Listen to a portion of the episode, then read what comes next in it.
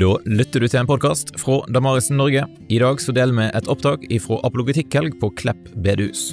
Den 3. til 5. februar så inviterte vi i Damaris Norge sammen med laget, NLA og Fokus hverdagsmenighet til ei helg med seminar om mange viktige tema. Du finner forresten òg video av seminaret på vår YouTube-kanal, så søk opp den og abonner på YouTube-kanalen vår. Vil du være med og støtte arbeidet med å lage flere sånne ressurser?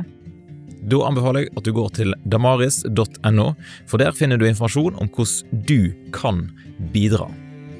Her er dagens seminar.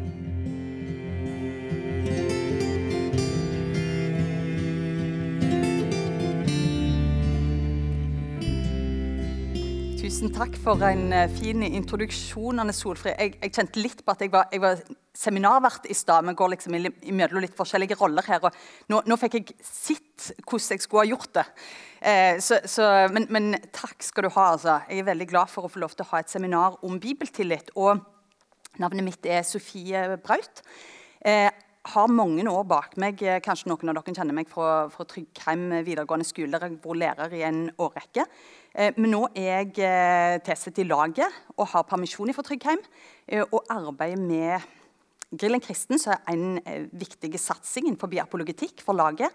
Um, og det skal dere egentlig få lov til å være med på på denne, på denne lørdagen. her. Så Den siste bolken i dag er satt av til en fellessamling her inne, der vi skal ha Grillen kristen. Så eh, hvis jeg får tid til å ta litt spørsmål etterpå, så kan vi godt ta, ta det. Og plutselig så går tida, og så er dere sultne, og så er det mat. Eh, og Da kan dere òg tenke at det er tid til spørsmål av alle slag. så På tvers av seminar og til de ulike foredrag som dere har hørt. Eh, ta det veldig gjerne med som en, en eh, tanke bakover da, til, til, siste delen i dag. Det er veldig spennende med, med type Grillen kristen, der, der det kommer gode, gode spørsmål og eh, og refleksjoner fra salen. Det er egentlig det som gjør Grillen kristen spennende. Det er at folk melder seg på og våger å, å stille spørsmål. Men som sagt, laget representerer jeg. og eh, opptatt av skoleungdom og det å sette folk i frimodighet til å være Jesus-etterfølgere i vår tid. Og Det er en stor utfordring, enten vi snakker inn i skole- og studentverden, eller vi snakker kanskje til oss eh, godt voksne òg. Her er det òg utfordringer akkurat på det. Og jeg tror på en måte, Nå var jeg nettopp på Lars Dale sin seminar om troen trenger å forsvares. Det var et eh, interessant seminar som går rett til kjernen av det som er apologetikk i en litt mer sånn streng forstand. Det jeg skal gjøre her, er ikke i streng forstand å komme med en masse argument eh, i den klassiske apologetiske tradisjonen. Uh, jeg har bevisst skrevet perspektiv fra en bibelleser og det er noe jeg brenner litt for. At vi så leser Bibelen, vi så oppdager den der skatten i den der perla, og skatten i åkeren, eller perla som Bibelen beskriver det som. som du er sprø nok til å liksom hive alt annet over bord og satse alt på et kort. For det er jo det du gjør når du velger å tro på Bibelen og tro på Jesu liv som eh, hans åpenbaring av Gud for oss, rett inn i historien så satser en på en måte alt på ett kort. Og da trenger vi tillit. Og det går, det er vel liksom illustrasjonen her, da. Det går på ganske dypt vann, det hele. Vi trenger å overgi oss. Um, og Så skal vi snakke litt om det. og som sagt, Mer enn et sånt foredrag der dere får eh, svarene på hvordan skal jeg få tillit til Bibelen på 1, 2, 3.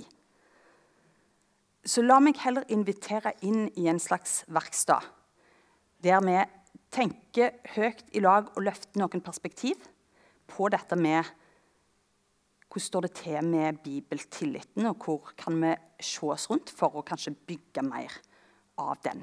Så Her er det noen eh, innhold, eh, en slags innholdoversikt med noen eh, ideer som jeg skal innom i løpet av, av disse tre kvarter til en time som vi har til rådighet her. Eh, skal vi se litt på dette bare med tillit, ikke noen sånn gjennomgang av begrepet. men bare for å liksom nærme oss litt tematikken her. Eh, vi har noen forskjellige områder der jeg tror tilliten vår kanskje på en spesiell måte blir satt på prøve. Så la oss prøve å systematisere dem litt og se. Hva er vi, Hva er det vi strever med her hvis vi strever litt med dette med å ha tillit til, til Bibelen? Og så er jo kanskje noen av de som kommer, Jeg prøvde å tenke litt hva vil folk som velger et sånt seminar Det er jo litt sånn åpent, det som står der. Tillit til Bibelen? spørsmålstegn. Det kan jo være så mangt vi skal snakke om da. Eh, Seinere i dag er det jo et seminar om evangelienes troverdighet. Det er òg en, en, måte å bygge tillit til, til Bibelen på. Eh, men her vil jeg åpne det litt mer opp, og så vil jeg òg ta opp litt om det med eh, noen vanlige innvendinger mot, mot, mot Bibelen som troverdig. Jeg vil se litt på det med tillit og kunnskap.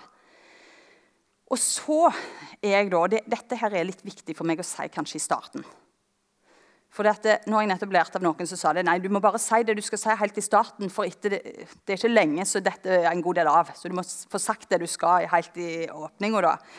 Nå, nå, tror jeg jo dere har litt god kondis, men det har jo vært en sånn vits i en del kristne miljøer det der med at liksom, for en søndagsskolelærer eller på et møte ikke sant, at det, Uansett hva, hva, den som står framme, spør om, så er det liksom greit å rekke opp, og så er det ett svar, og det er Jesus. Liksom, da, da, treffer du sånn cirka, iallfall. Og så var det litt sånn løye når jeg drev og forberedte meg her. For det var akkurat som jeg følte at ok, det er vel en slags vits, men her er det en dyp sannhet for det som handler om bibeltillit. Så plutselig så ble den derne holdt på å si, eh, kristenvitsen fikk en sånn ny betydning for meg akkurat i forberedelsen til, eh, til dette seminaret. her. Jeg tror Jesus er nøkkelen for oss hvis vi skal ha tillit til Bibelen. Så vi, vi, kan begynne med å snakke om Bibelen, og vi kan begynne med å gi gode argumenter. alt sånt. Men et møte med Jesus har uendelig mye å si for hvordan vi forholder oss til Bibelen. Det er et av hovedpunktene mine. Så da fikk jeg sagt det. I fall. Hvis du detter av seinere, så har du med deg det. Jesus er stikkordet her. Jesus' skriftsyn skal vi si litt om, og så håper jeg at vi får tid til å kikke litt innom en fascinerende historie om tillit. Den om offiseren i Kapernaum. En hedning som kom til Jesus og, eh, og trang hjelp, rett og slett. Spennende historie. La oss bare åpne det litt opp når det gjelder det med tillit.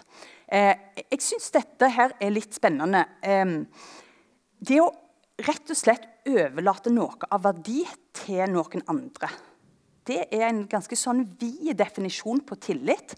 Eh, og for oss som så veldig lett vil ha kontrollen sjøl Vi vil så gjerne ha kontroll og autoritet i eget liv.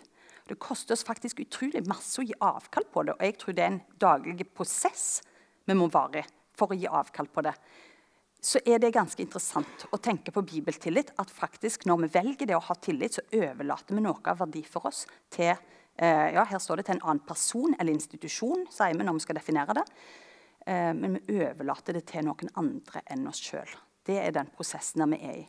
Og når Giddens her som jeg siterer, sier at tillit er villigheten til å se bort fra kunnskap, så kan jo noen av dere begynne å lure. Ja, men Er det ikke liksom, liksom kunnskap vi driver og bygger her når vi er på apologetikk-helg? Jo, men så er det en erkjennelse at apologetikk, trusforsvar, i streng forstand tar oss bare så langt. Vi skal ikke se her og ha apologetikk-helg og tenke at apologetikk er svaret på alt. Nei, det er noe imellom der.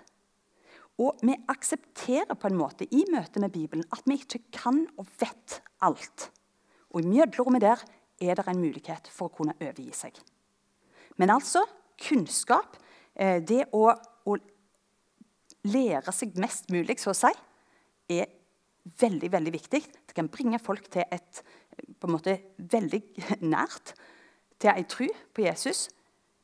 Men tilliten ligger liksom i et litt annet rom da. Så det å overgi seg eh, til tross for at en ikke kan og vet alt. Um, en um, dansk tenker, filosof, um, forfatter Knut Eilert Løgstrup han snakket om tillit. veldig masse om tillit. Og Hvis dere er spesielt interessert i det begrepet, for nå skal jeg snart ikke si så mye mer om, om akkurat det i denne forstand, så, så plukk gjerne opp en bok av Løgstrup. For det, det lå mye mer til han skrev på 50-tallet, blant mye mer tilgjengelig enn en skulle tro, og veldig aktuelt. Men han snakket om at altså, tillit er liksom en sånn livsbetingelse som vi lever med. Og, og ja, folk viser jo ofte en slags mistillit til Bibelen i dag. Det erfarer vi jo mange plasser. En grunnleggende mistillit. Mange sånne myter som sirkulerer om Bibelen, og at den ikke er verd å tro på osv. Men det som er spennende med å trekke fram Løgstrup her, så snakker vi om at tillit er noe grunnleggende hos oss mennesker. Det er jo det at vi kan vite at hvis vi prøver å få folk litt med på at det er grunnlag for å ha tillit til Bibelen, så skal vi vite at midt i den motstanden vi kan erfare, så er det noe grunnleggende i folk som lengter etter å ha tillit. Så lengter etter tillit, for det, det gir liksom gjensvar på noe dypt i oss. Jeg tror det kan være en nøkkel for vår frimodighet.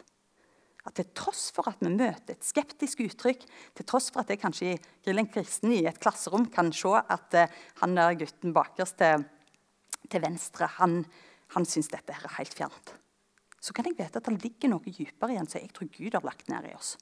Vi er skapt for tillitsfulle relasjoner, og han lengter egentlig etter noe å tro på, etter noe å ha tillit til, etter noe å overgi seg til synes Det er et godt perspektiv å ha med seg inn. altså.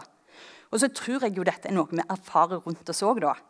Og jeg kan bare helt kort si at jeg hadde egentlig en barndom oppvekst preget, altså Jeg er fra Suldal i Ryfylke, eh, der det var lite trafikk og, og grønne enger eh, i hopetall. altså. Så, så, det var en veldig sånn tillitsfull plass på mange måter å vokse opp. Og jeg tror at jeg har én sånn virkelig opplevelse av et, et sånn skikkelig tillitsbrudd. Altså. Eh, et år bodde jeg i Skottland og arbeidet for den internasjonale lagsbevegelsen. Og vi hadde mange folk som kom og gikk. Vi var fire jenter som bodde i lag. Folk kom og gikk. Eh, og, og, internasjonale studenter i hopetall. ikke sant? Og så viste det seg, når jeg kom tilbake etter jul, så var det en som hadde vært der veldig masse. En, en tysker som hadde vært mye hos oss. Og så viste det seg altså når jeg kom tilbake etter jul, det var mange ting, litt sånn rare ting, kanskje, så brikkene falt nok litt på plass. Det viste seg altså at han, et halvt år, vi hadde hatt en nær relasjon til han, hadde gitt seg ut for være en, en helt annen enn den han var. Han het ikke Andreas, han var ikke fra Tyskland. Han het Andrew. Han var fra et av de fattigere eh, strøkene i, i Edinburgh, der vi bodde. For et sjokk det var. At noen kunne ha lurt oss fra dag til dag på den måten der. Og nå er det ikke så ofte at en får sånne opplevelser, for, men for meg blir det en litt sånn illustrasjon. Det sitter så langt inne. For når vi hørte om dette, så så vi oss tilbake og tenkte ja, det var jo jammen rart at det hadde skjedd. Og det der òg har jeg jo reagert på. Og når vi setter oss ned og snakker i lag, så hadde vi egentlig hatt mer enn nok grunnlag på en måte for å få sagt noe på det. Men igjen, det grunnleggende i oss, vi lengter etter tillit. Eh, og vi tror egentlig på eh, på de grunnleggende tingene. Og så tror jeg at det er masse i kulturen rundt oss akkurat nå som stiller spørsmål, og som gjør det utfordrende for oss allikevel, dette med Bibelen. Eh, vi har blitt fort opp med massevis av kritikk de senere tiåra. Derfor så hjelper det ikke helt at hverdagen vår er tufta på tillit, og at vi stort sett er veldig tillitsfulle. Eh, for det, det er en kritikk som har sneket seg inn, og den er på en spesiell måte knytta til, til Bibelen. Vi skal bare hoppe videre til disse fire nøkkelområdene som jeg har lyst til å si litt mer om. Så jeg tror vi er spesielt eh, utfordra akkurat i vår tid når det gjelder det med Bibelen. Og Jeg tror jeg bare begynner på, eh, ja, på det øverste til venstre for dere. Dette med Bibelens aktualitet og relevans.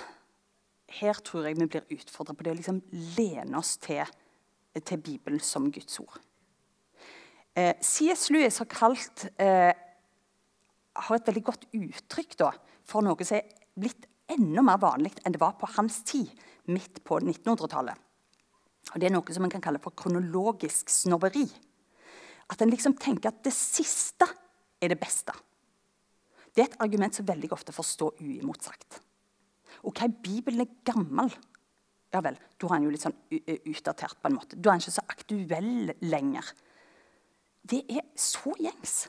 Det gjennomsyrer eh, hverdagen vår, og det blir veldig ofte bare stående der som en slags sannhet. Som virker av og til kanskje litt vanskelig å si noe på. Bare tenk på hvor mange ganger dere har hørt det der argumentet. Men ærlig talt, vi skriver 2023, er det jo blitt nå, da. Sant? Men husk på at i en logisk sammenheng så har det argumentet null verdi. Det er ikke et argument. Sant? Og vi kunne jo sagt det, eksempel, bare ta et fælt eksempel, da. Ærlig talt, vi skriver 1944. Var menneskeheten kommet så mye lenger da, når du så på hva som skjedde i Europa i 1944? Og tenker på masseutryddelse av jøder og en, et totalt og forferdelig kaos i den verdensdelen som liksom skulle ha kommet lengst? Selvfølgelig er det ikke sånn at alt liksom bare utvikler seg langs ei flott, slakk, oppadgående linje. Det er jo argument som vi må kunne tilbakevise med en gang. Og si noe om at ting som er gammelt, kan selvfølgelig være uh, aktuelt. Og du kan snu det helt på hodet og si men det er en grunn for at Bibelen er den boka som har stått seg med 200 år med sekulær kritikk. Ja, for det er liksom I 200 år så har det vært ateister som bevisst har valgt å kritisere Bibelen, og ingen andre bøker har på samme måten blitt gjennomgått så nitidig og kritisert så ettertrykkelig som Bibelen. Allikevel heller han koken som verdens desiderte bestselger. Er ikke det noe å, å snu litt tilbake igjen og vende litt tilbake for dette argumentet som kan virke så sterkt? Jeg tror det andre området òg eh, er enormt utfordra for tida. Hvis vi flytter oss ett hakk bort til den grå ruta der, det med tillit til Bibelen, at, at Bibelen er en troverdig og en sammenhengende narrativ, har jeg brukt her. Fortelling, rett og slett. I dag så er det ganske sånn sterke krefter for å liksom nærmest ja, En stiller spørsmål ved hele Bibelens autoritet. Og så er det òg en god del som drar fra en annen den store fortellingen om ikke helt på midten, sant? for vi vet at gamle, Det gamle testamentet utgjør litt mer enn halvparten eh, av Bibelens 66 bøker. Men liksom, prøv å dra den fortellingen fra en annen på midten. Jesus er mer akseptert, men det der gamle testamentet, litt sånn som Anne Solfrid trekte fram her, med all, liksom, krigen og, og veldig masse negativt og rart, og 613 lover som virker helt totalt fjerne. Og så blir det bare et slags sånn bakteppe som også en god del kristne kan synes er krevende. Det ligger liksom der som et slags bakteppe, og hva skal en gjøre med det?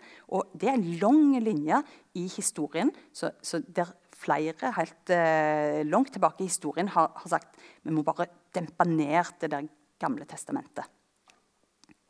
Eh, på eh, universitetet da jeg var studenter for mange år siden, så var det òg en sånn slogan som jeg hørte stadig vekk. De store fortellingene er døde. Det ble slått fast tilbake på 90-tallet. Eh, og det sikkert, hadde sikkert vært litt sånn på moten en stund allerede da. At de store fortellingene er døde.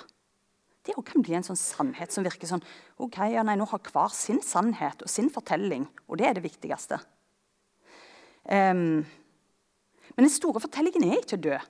Og det viser noe eh, at Bibelen først og fremst gir mening når den blir sett på i sammenheng. Vi skal komme tilbake til det, selvsagt. Men jeg tror det er litt viktig at en bare, sånne overskrifter som det, at en blir litt bevisst. Eh, at det at noen sier at de store fortellingene er døde, det er jo bare en påstand. Det er jo heller ikke et argument så ser vi stadig vekk at det er eh, store bokutgivelser, det er eh, filmer som blir lansert, som nettopp presenterer store fortellinger. Og så forteller det helt motsatte.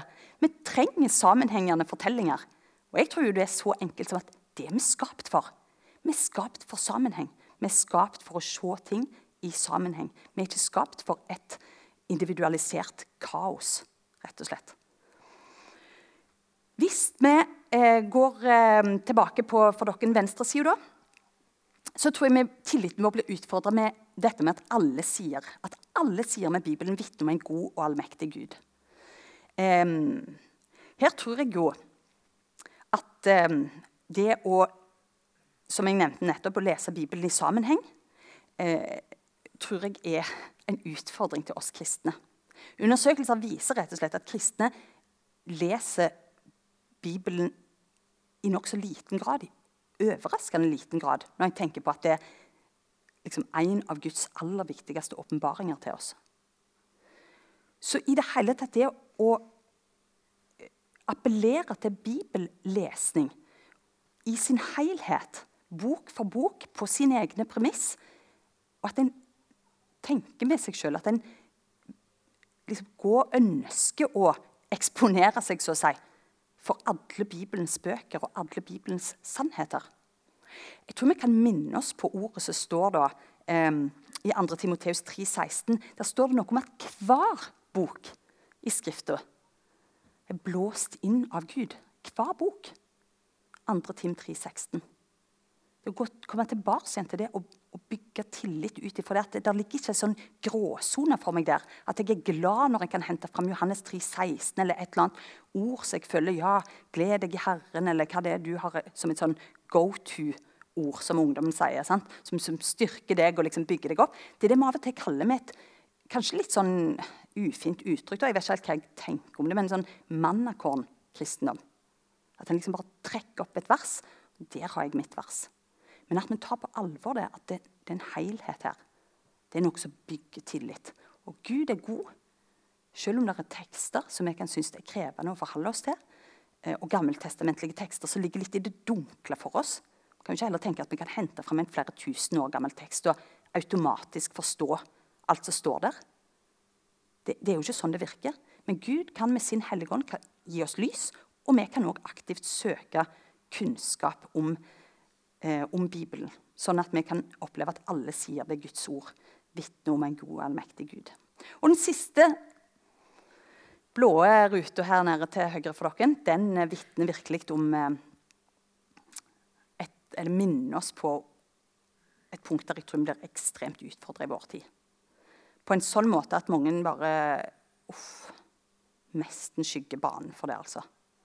Det er enormt sterke krefter i vår tid som vil forkaste Bibelen som moralsk veileder.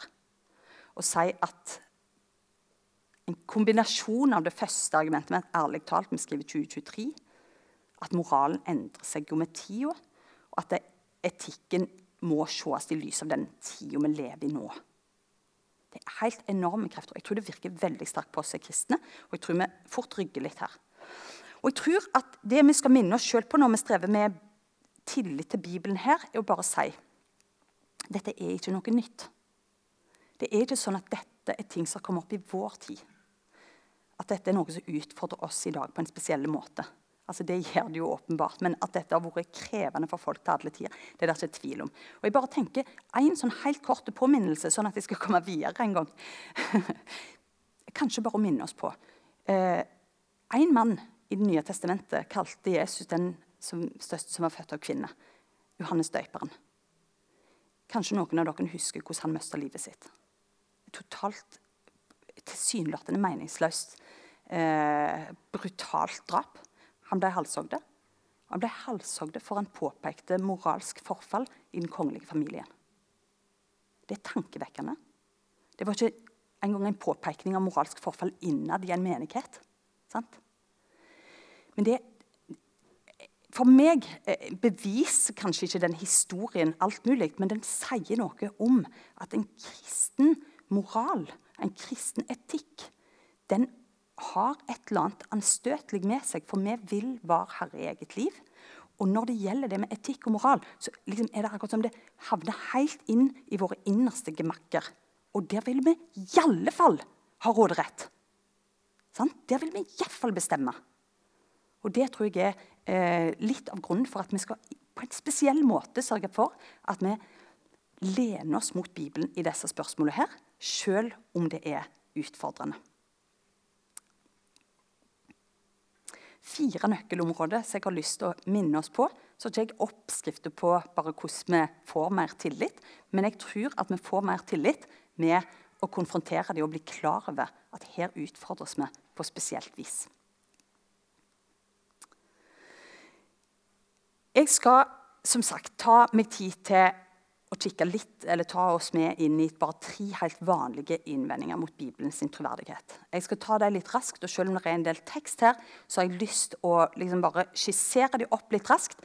Tenker ikke at jeg skal svare noe utfyllende på det her, for dette er et stort tema. Eh, og vi snakker jo nå litt mer sånn overordnet om tillit til Bibelen som bibellesere. Men jeg tror allikevel det er verdt å bruke noen eh, få minutter på akkurat dette her. For eh, der stilles eh, selvsagt spørsmål som f.eks. dette. Eh, Bibelen det er jo bare ei samling med tekster som er dikt opp. Bibelen er løsrevne, spennende skrifter sikkert fra en annen tid, ikke sant? Men eh, dikt opp. Det er, er, jo ikke noen sånn helt klare sammenheng. Eh, stort sett eventyr. Det ser jeg i mange kommentarfelt, i alle fall hvis det er en tikk innom deg. sant? Eventyrbok. Herlighet. Tenk å tro på noe sånt. Ja. Hører vi stadig vekk. Jeg tror Helt sånn saklig så tror jeg det er veldig bra å bare minne seg selv om at faktisk i forhold til alle andre religiøse skrifter, så er Bibelen faktisk en bok som har et nedslagsfelt i vår felles objektive historie. Det er jo et greit moment å bare minne seg på. Eh, for de som er interessert i å studere akkurat liksom dette spørsmålet, her, så er det lett å finne informasjon om at Bibelen inneholder virkelige personer, hendelser, eh, spennende Den ene boka som eh, Anne Solfrid viste fram her Peter J. Williams Eller hadde du med seg den? Ja, men i alle fall Peter J. Williams, en som har forska mye på dette. Bare det å se nærmere på stedsnavnene som er brukt i Bibelen. Utrolig interessant. For det blir liksom et argument når en ser på hva som, fra andre kilder, hva som var vanlige staner, hva som var vanlige navn på folk. Hvis alt dette skulle være dikta opp eh, altså, Det er rett og slett en umulighet, klarer han å utlede. Og det er ganske spennende. Så det er masse sånne helt faktiske ting det å relatere til historien, å, å se hvordan Bibelen relaterer til historien, eh, er en god måte å tilbakevise at dette er oppdikta. Den forholder seg til historien på en helt annen måte enn alle andre religiøse skrifter.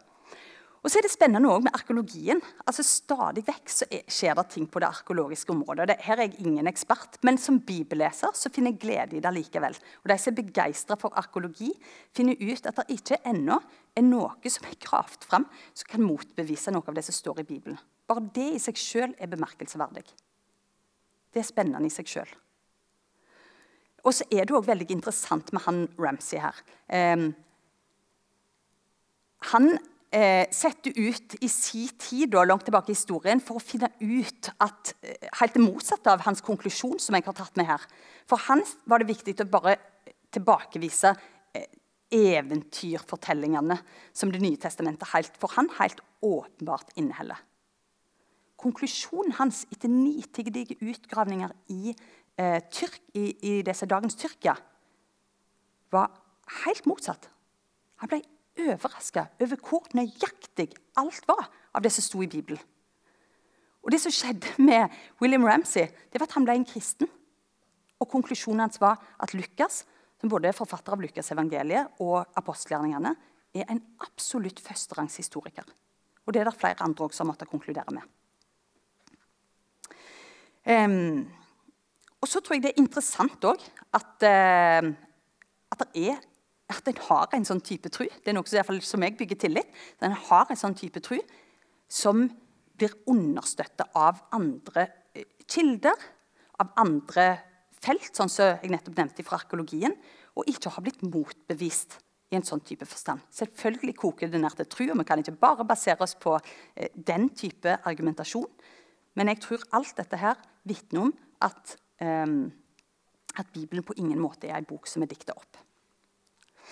Jeg skal nevne et argument til. Nå, igjen, dette her er totalt sånn skissemessig, men bare sånn at dere skal minnes liksom, tre for eksempel, eh, eksempler på eh, typiske sånn, innvendinger mot Bibelens troverdighet. Dette med muntlig overlevering og dokumentkopiering det er det også noen som elsker å påpeke. Bibelen kan jo ikke være særlig troverdig. sant? Tenk på Det gamle testamentet. Liksom. Der var det jo massevis som bare ble overlevert og, overlevert og, og gjenfortalt. Og så har du kan, mange bruker jo det bildet av kviskerleken. ikke sant? Kanskje noen har vært med i et uh, barneselskap en gang. Uh, vært med og arrangert den. Du begynner med en setning, du gir en setning til førstemann, og så skal den kviske det til neste, så skal den kviske det til neste, og så skal du få høre hva ble det til slutt. Sant? Og Da er det stort sett utrolig stor avstand, selv om det bare er noen få som er med på det, fra første setning til det som kommer ut. Og det er det som er poenget i leken. det er det som gjør det litt løye. Og så er det mange som har hatt det bildet av at sånn virker det jo med Bibelen òg. Du begynner en plass, overleverer i år, hundre går, ikke sant? flere tusen år går. Hva har du igjen? Det er noe helt annet enn du begynte med. i alle fall. Um, jeg tror det er viktig å bare helt saklig, spesielt hvis dette er innvendinger du møter, bruke litt tid på folk som eksempelvis, som jeg nevnte nå, Peter J. Williams eller John Dixon, som òg har uh, veldig mange gode uh, argumenter å komme med. Men, men, samstemmigheten her er at Bibelen er antikkens best, best dokumenterte skriftsamling tror bare det, Jeg husker ennå hvor jeg satt når jeg, første gang jeg så en tabell. den skulle jeg jo tatt med her og vise dere nå, men en tabell som viser hvor mye mer kildemateriale det er for Det nye testamentets eh, skrifter enn det er for alle slags andre skrifter som vi baserer historieundervisningen vår i skolen på. For eksempel. Det er det vi kaller med et engelsk ord for mind-blowing. Det er helt sprøtt. Det er så store forskjell, og det viser bare at Nytestamentets skrifter har hatt en enorm utbredning. Det har vært en helt usedvanlig iver for å bre ut disse skriftene. her. Og Samtidig så kan vi tenke på at eh, ting vi tar helt for gitt fra historien, f.eks. Eh, Cæsar eller noen av de puniske krigene, eller hva det er vi bruker å referere til historien, ikke i nærheten av er like godt dokumentert, men blir tatt helt for gitt allikevel. Og der, det, jeg stiller ikke spørsmål med verken Cæsar eller verken puniske kriger eller galliske kriger. eller hvem det skulle være. Men poenget hva kan vi egentlig vite noe om i historien? Vi må av og til våge å stille et spørsmål tilbake igjen. Bibelen er veldig veldig godt dokumentert som historisk skrift. Og så er det spennende å få et lite innblikk når en har sjanse til det igjen. Dette tar dere litt videre etter så det passer. Men jødiske historikere hva vaner hadde de for å sjekke dokumenter? Hva praksiser hadde de i overleveringa? Var det som en moderne kviskerlek, eller var det noe annet? Et lite innblikk i det vil vise at det var en enorme, rigide strenghet når det gjaldt overlevering og sjekking av manuskript fra den ene til den andre. En enorm yrkesstolthet som gjorde at en aldri ville akseptere å levere videre noe som ikke var sjekka opp og ned eh, og gang på gang. Så yrkesstoltheten tror jeg, i den jødiske skrifttradisjonen og skriftoverleveringstradisjonen er et argument som i seg sjøl bygger tillit. Og Det er det da mange argument, eh, eller som mange bevis på seinere òg. Kanskje noen av dere eh, husker at eh, de såkalte dødehavsrullene ble funnet. Og en tenkte at nå må det skje en stor revisjon av, sant, av oversettelsene som har fått, fram til vår tid. Og så ser en at her har det gått nærmere 1000 år. Og så ser en men det er jo et helt ufattelig samsvar mellom det som er, vi har nå, og det som var da. Og Det er òg veldig sånn, spennende å styrke selvsagt, tilliten til tekstene. Og så er det jo dette med feil og motsetninger. Igjen, Det blir en sånn overskrift og et eh, argument. Så en liksom føler ja vel, det er fullt i feil og motsetninger i Bibelen. ja vel, Og så bare ja, men Som kristen kan en bare svelle unna litt sånn. Ja, det er jo sant, det. Og så blir en liksom Uff, ja, beklager det, liksom. Det er sikkert mange. Og hvor mange var der, eh, hvor mange kvinner var der ved korset? ikke sant? Og, og, og hvor mange tiggere var der ut forbi Jeriko? Altså, så kan jeg liksom komme og si ha-ha, her er det forskjeller. Så når en setter seg ned og ser på evangeliene, ja, det er fire forskjellige biografier om Jesus. Det er fire forskjellige som har samla sammen alle opplysningene og prøvd å gi dem en sammenheng. Så det er litt interessant. Hvis de hadde vært helt like Det er da jeg tror alarmklokkene skulle ha ringt når det gjelder tillit. Sant? Det er jo litt sånn som i politiet. Hvis det kommer inn tre vitner, alle sier akkurat det samme på alle punkt, da forvitrer tilliten hos politiet. Da er det noen som har snakka sammen og samkjørt. Da blir en ivrig etter å bore. Hvor er det? Mens de fire evangelistene så ut til å ha et helt avslappa forhold til at her er det noen, noen ting som er litt ulike. En valgt å vektlegge ulike ting. Og det er ofte når en begynner å studere hver evangelie for seg, så vil en se at det er ganske gode grunner for det. En har valgt ut som en har gjort for å få fram poeng betont ulikt. Akkurat som en ville gjort hvis Nå var det ikke lenge siden dronning Elisabeth død, og biografer finnes der jo i hopetall. Men ingen av dem vil være helt like hva de betoner, og hvordan de forteller ting. Og selvfølgelig Noen som har vært i lag med dronning Elisabeth, vil huske litt ulikt. Det grunnleggende i historien om henne står allikevel fast. Jeg tror det også er litt viktig. Bår etter det er ofte en påstand, ofte er det litt lite konkret. Og blir det konkret, så som sagt, Bibelen har blitt studert lenge, og det er ofte veldig gode svar på de motsetningene. Jeg var nettopp inne og sjekket en ting for egen del som var lenge siden jeg hadde tenkt på og glemt litt av. For Da så jeg at eh, de amerikanske Humanetikerne har på sin side et sånn klassisk sånn innvending mot Bibelen. Bibelen er en eventyrbok, og et av argumentene f.eks. Judas sin skjebne, han som sveik Jesus. Eh, så for det, Den ene plassen står det jo at Neko hengte seg. Og den andre plassen så står det jo at eh, han, han, falt ut i blodåkeren. Den ble kalt blodåkeren for innvollene hans valgte ut av kroppen hans. Um, ja, hva er sant? Her er det jo en åpenbar motsetning. Og Det var liksom brukt sånn helt, eh, helt tydelig av de amerikanske humanistene, eller Humanisk Forbund for å si liksom hvor, hvor tåpelig Bibelen er. Så er det så interessant, for da tenkte jeg, ja, Hvordan var det med den historien om Judas? Så måtte jeg gå inn der. Veldig lett å finne en god forklaring på det. Det er en tragisk historie. Det er veldig mange gode argumenter for å si Judas gikk og hengte seg. Og etter det så ble han hengende der. For det var ingen kunne gjøre seg ureine med å ta han ned. Og det som skjedde etterpå, var at han faktisk falt ned. Og det er klippgrunn akkurat attmed der som en tenker at han hengte seg. Og det skjedde noe med kroppen hans etter flere dager som gjorde at han fikk det endelig han fikk. Og innvollene velta ut. Det er ingen motsetning. Den er konstruert. Så, sånn sett et enkelt eksempel på at mange av disse kan motbevises og forklares. Yes. Vi skal gå litt videre og si litt om dette med tillit kontra kunnskap. For det var en grunn òg Nå brukte jeg litt tid på det likevel, for jeg synes det er så interessant. Men tanken her var egentlig bare å rase gjennom den sida der med disse klassiske innvendingene. For De kjenner vi til, og de er viktige å sette seg inn i. Og vi er litt ulikt utrusta der òg. For noen er det kjempeviktig å komme til rette med akkurat sånne spørsmål. Som f.eks. det jeg nettopp nevnte med hva ble Judas sin skjebne? Noen kan det liksom ligge og gnage at en liksom føler der er det noe som ikke stemmer. Så det å komme til rette med sånne spørsmål tror jeg er kjempeviktig for vår tillit. Men jeg tror at alt i alt Og dette er min påstand, da. og Nå er vi litt i den der verkstaden, så jeg sier jeg er ikke ferdig tenkt på dette. Men der jeg er nå, alt i alt tror jeg dette er relativt fort gjort. Jeg tror du kan lese en god bok om evangelienes troverdighet. Jeg tror du kan finne informasjon om spørsmål du føler der er, der er noen motsetninger eller noe som er vanskelig. Eh, og så er det relativt fort gjort å rydde av veien sånne intellektuelle hindringer. Jeg tror at det tar oss bare et stykke på vei. Og jeg tror at kunnskap, altså bare for å balansere det litt ut, ikke alltid er det som bygger tillit sånn helt automatisk. Kort sagt, jeg tror en kan studere Bibelen og liksom egentlig kjenne den godt ut og inn. Jeg tror jeg kan være en toppteolog med mange, mange studiepoeng i Bibelen uten at det betyr at en har tillit til Bibelen som Guds ord i den forstand. Og Det er litt sånn eh, alvorlig, og det er da jeg prøver å nærme meg i hvert fall, eh, et av mine hovedpoeng. For jeg tror de brillene vi trenger på en måte når vi skal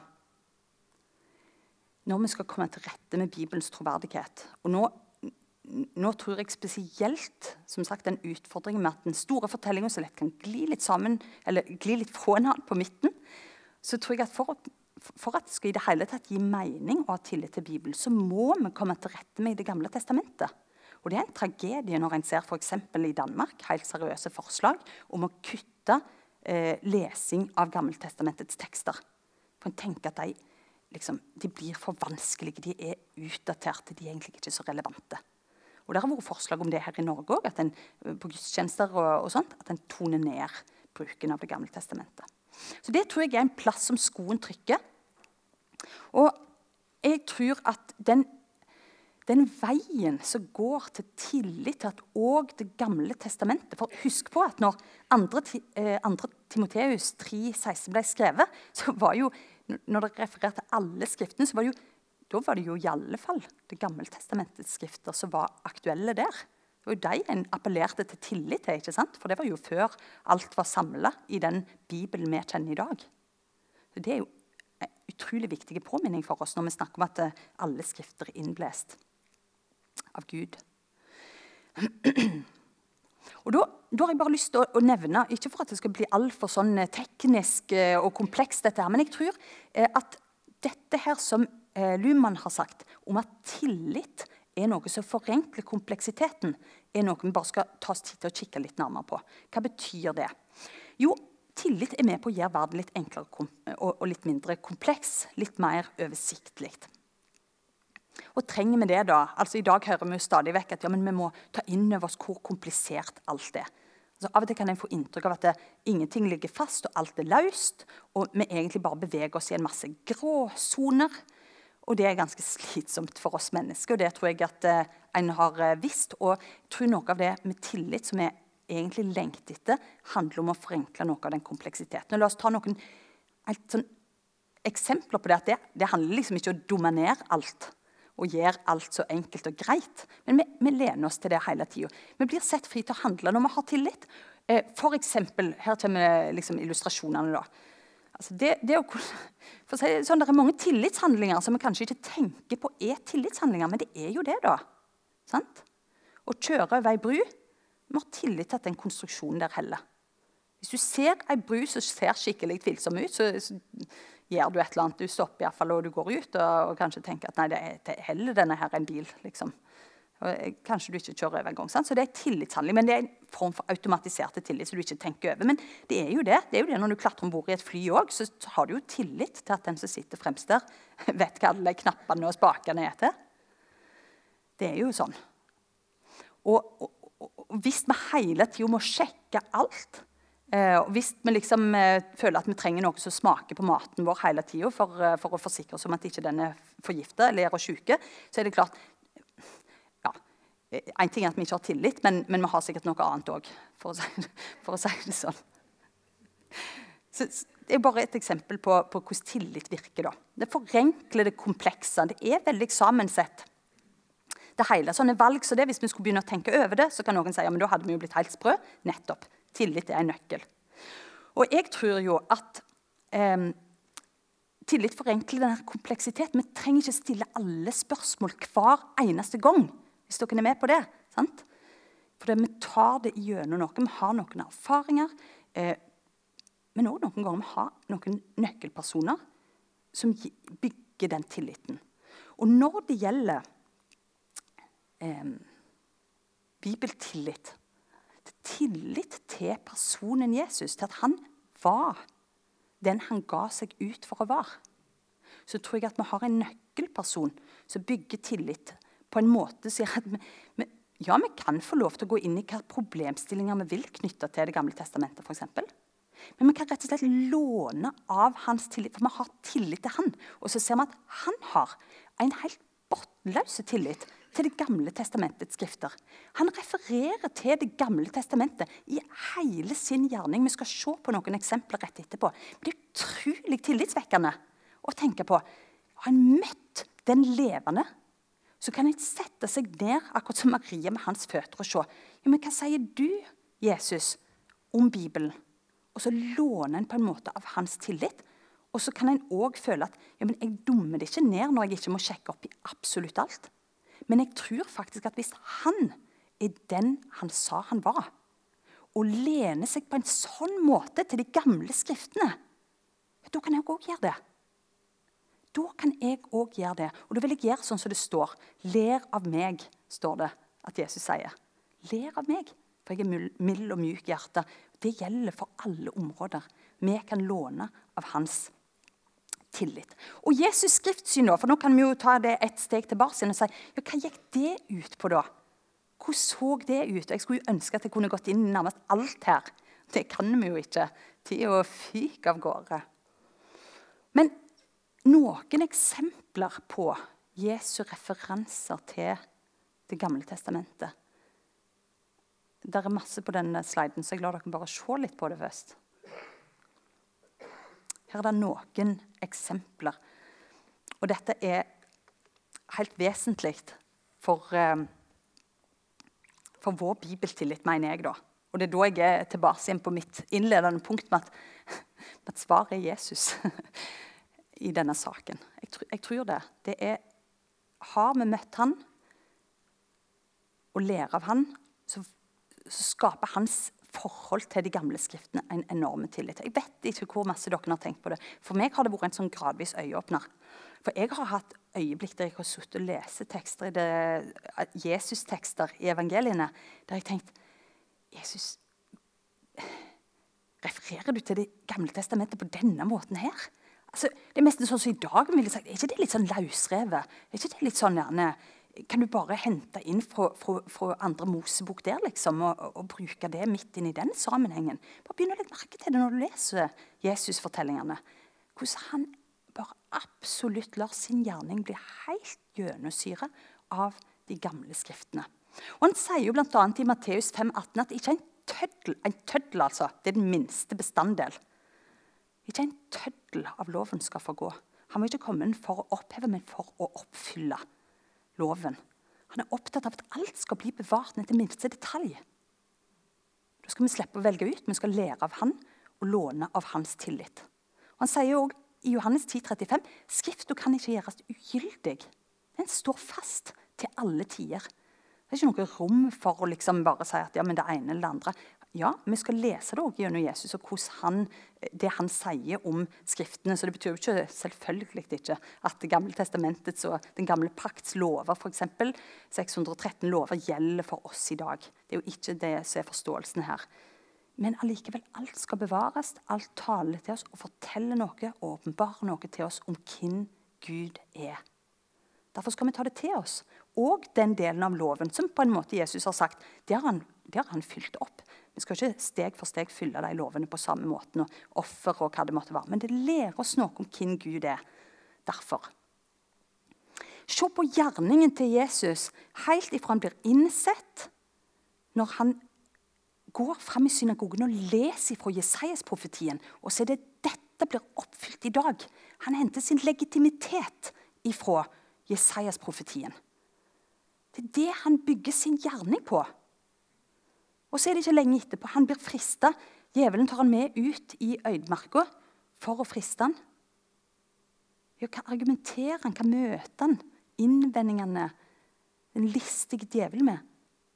Ord fra de gamle skriftene. Det er hans eneste argument. Egentlig det eneste han svarer med, er de gamle skriftene. Det er fascinerende. Og som jeg nevnte tidligere i dag, Emmausvandrerne. Og historien der er så fascinerende. Stadig vekk kommer jeg tilbake til den Lukas 24, i slutten der av Lukas-evangeliet. Ikke sant? Han møter disse nedslåtte læresveinene faktisk, som har satsa alt på at det Jesus sa, var sant. Nå tror de at alt har datt sammen som et korthus. De har ingenting. Ikke rart de var nedslått. Og så kunne Jesus fortalt det har jeg tenkt. Jesus kunne sagt så masse. Han har den historien her, om hvordan han har blitt utsatt for romerne sin verste form for tortur. Snakk om å ha overskrifter med seg. Her. Han ble dratt ned i den verste og mest fornedrende død du kan tenke deg. Og på den tida ville det sikkert gjort et formidabelt inntrykk på de som hører på han, sant? Men han gjør ikke det. Nei, han åpner Skriftene for dem.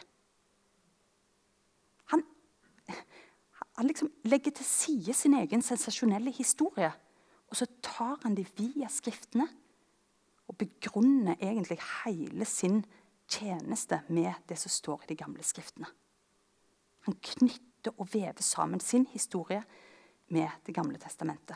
En fascinerende historie. Les det og få tillit til Bibelen.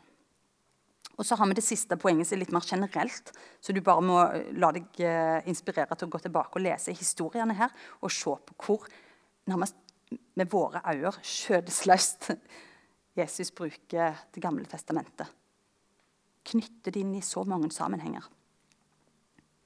Og Det er jo spennende også når han blir møtt med alle. Mange kommer til Jesus ikke sant? Og for å bare lokke han utpå. Det står han kjente i hjertet deres. Han visste at det, mange var jo rett og slett bare kverulante. Ja, Men allikevel tar de med inn i Skriftene, åpner Skriftene for dem.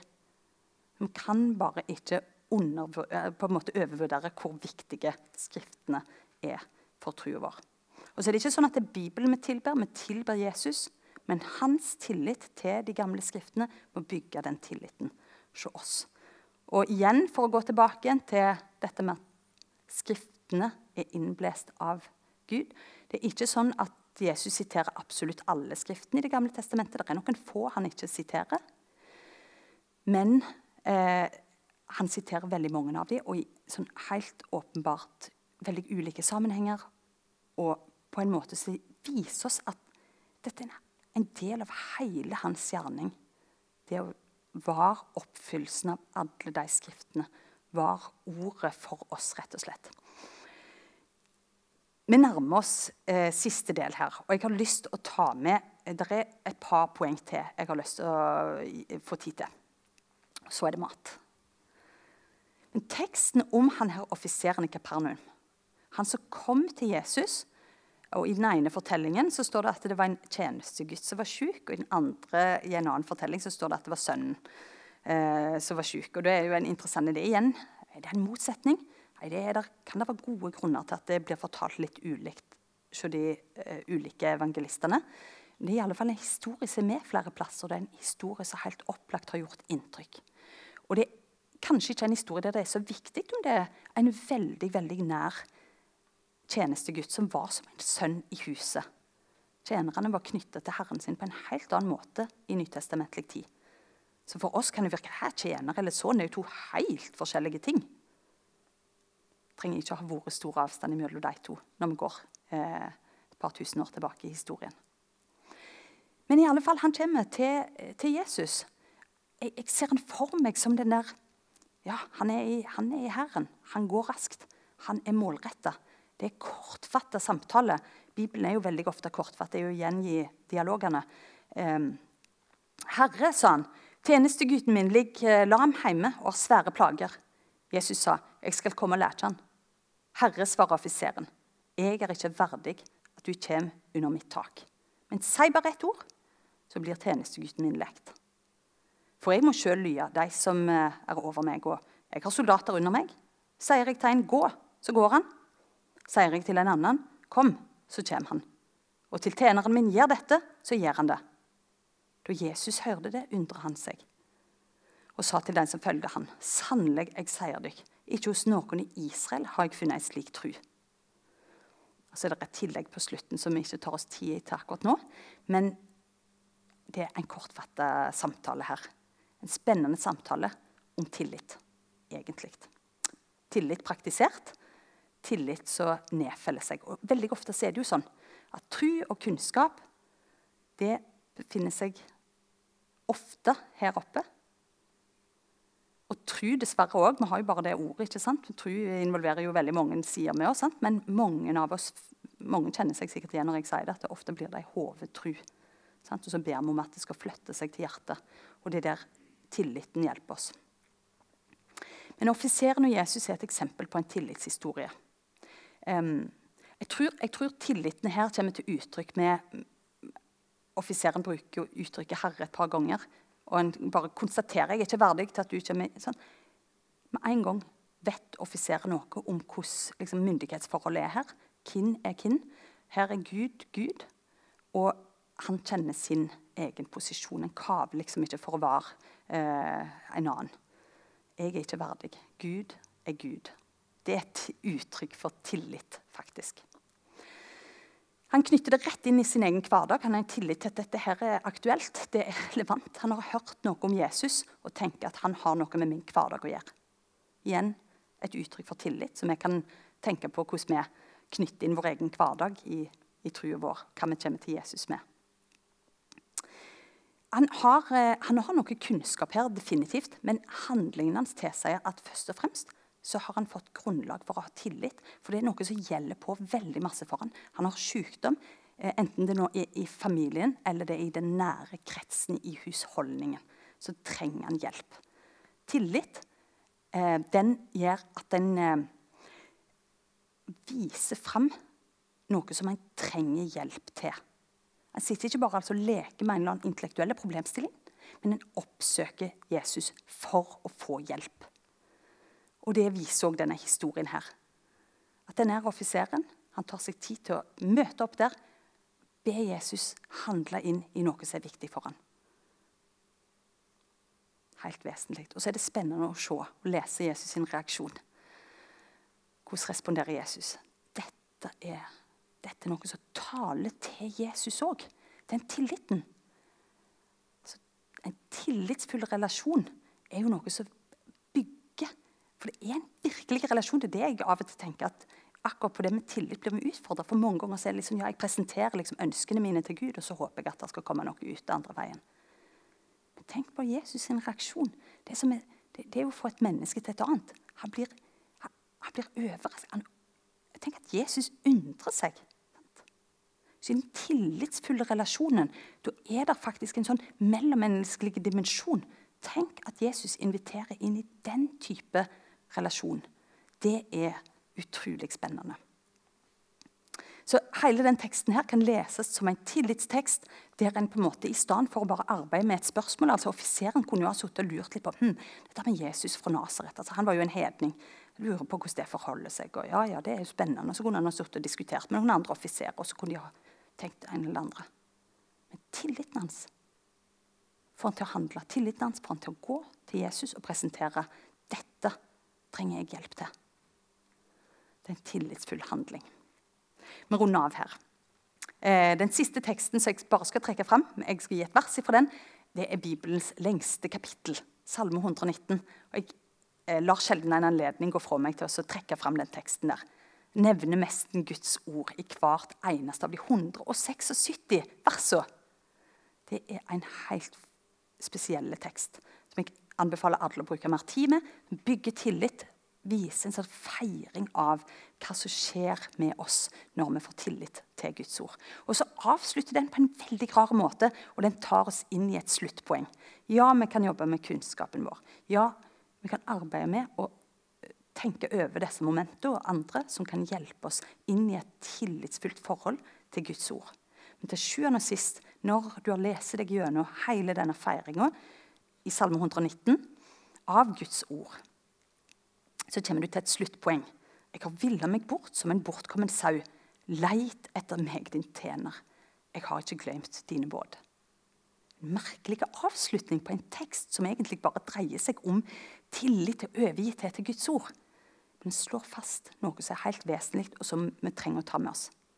Det er først og fremst Gud som leiter etter, som oppsøker oss. Han er den som etterjager oss med sin godhet og av og til dreier tillit til Bibelen seg om å stanse opp i den Bibelen. Sette seg ned og la seg bli henta inn. Det er egentlig det det dreier seg om. Helt til sjuende og sist. Med dette så har jeg lyst til å runde av her. Og så sier jeg tusen eh, takk for eh, oppmerksomheten. Eh, og håper det har gitt noen perspektiv på det å bygge tillit til Guds ord.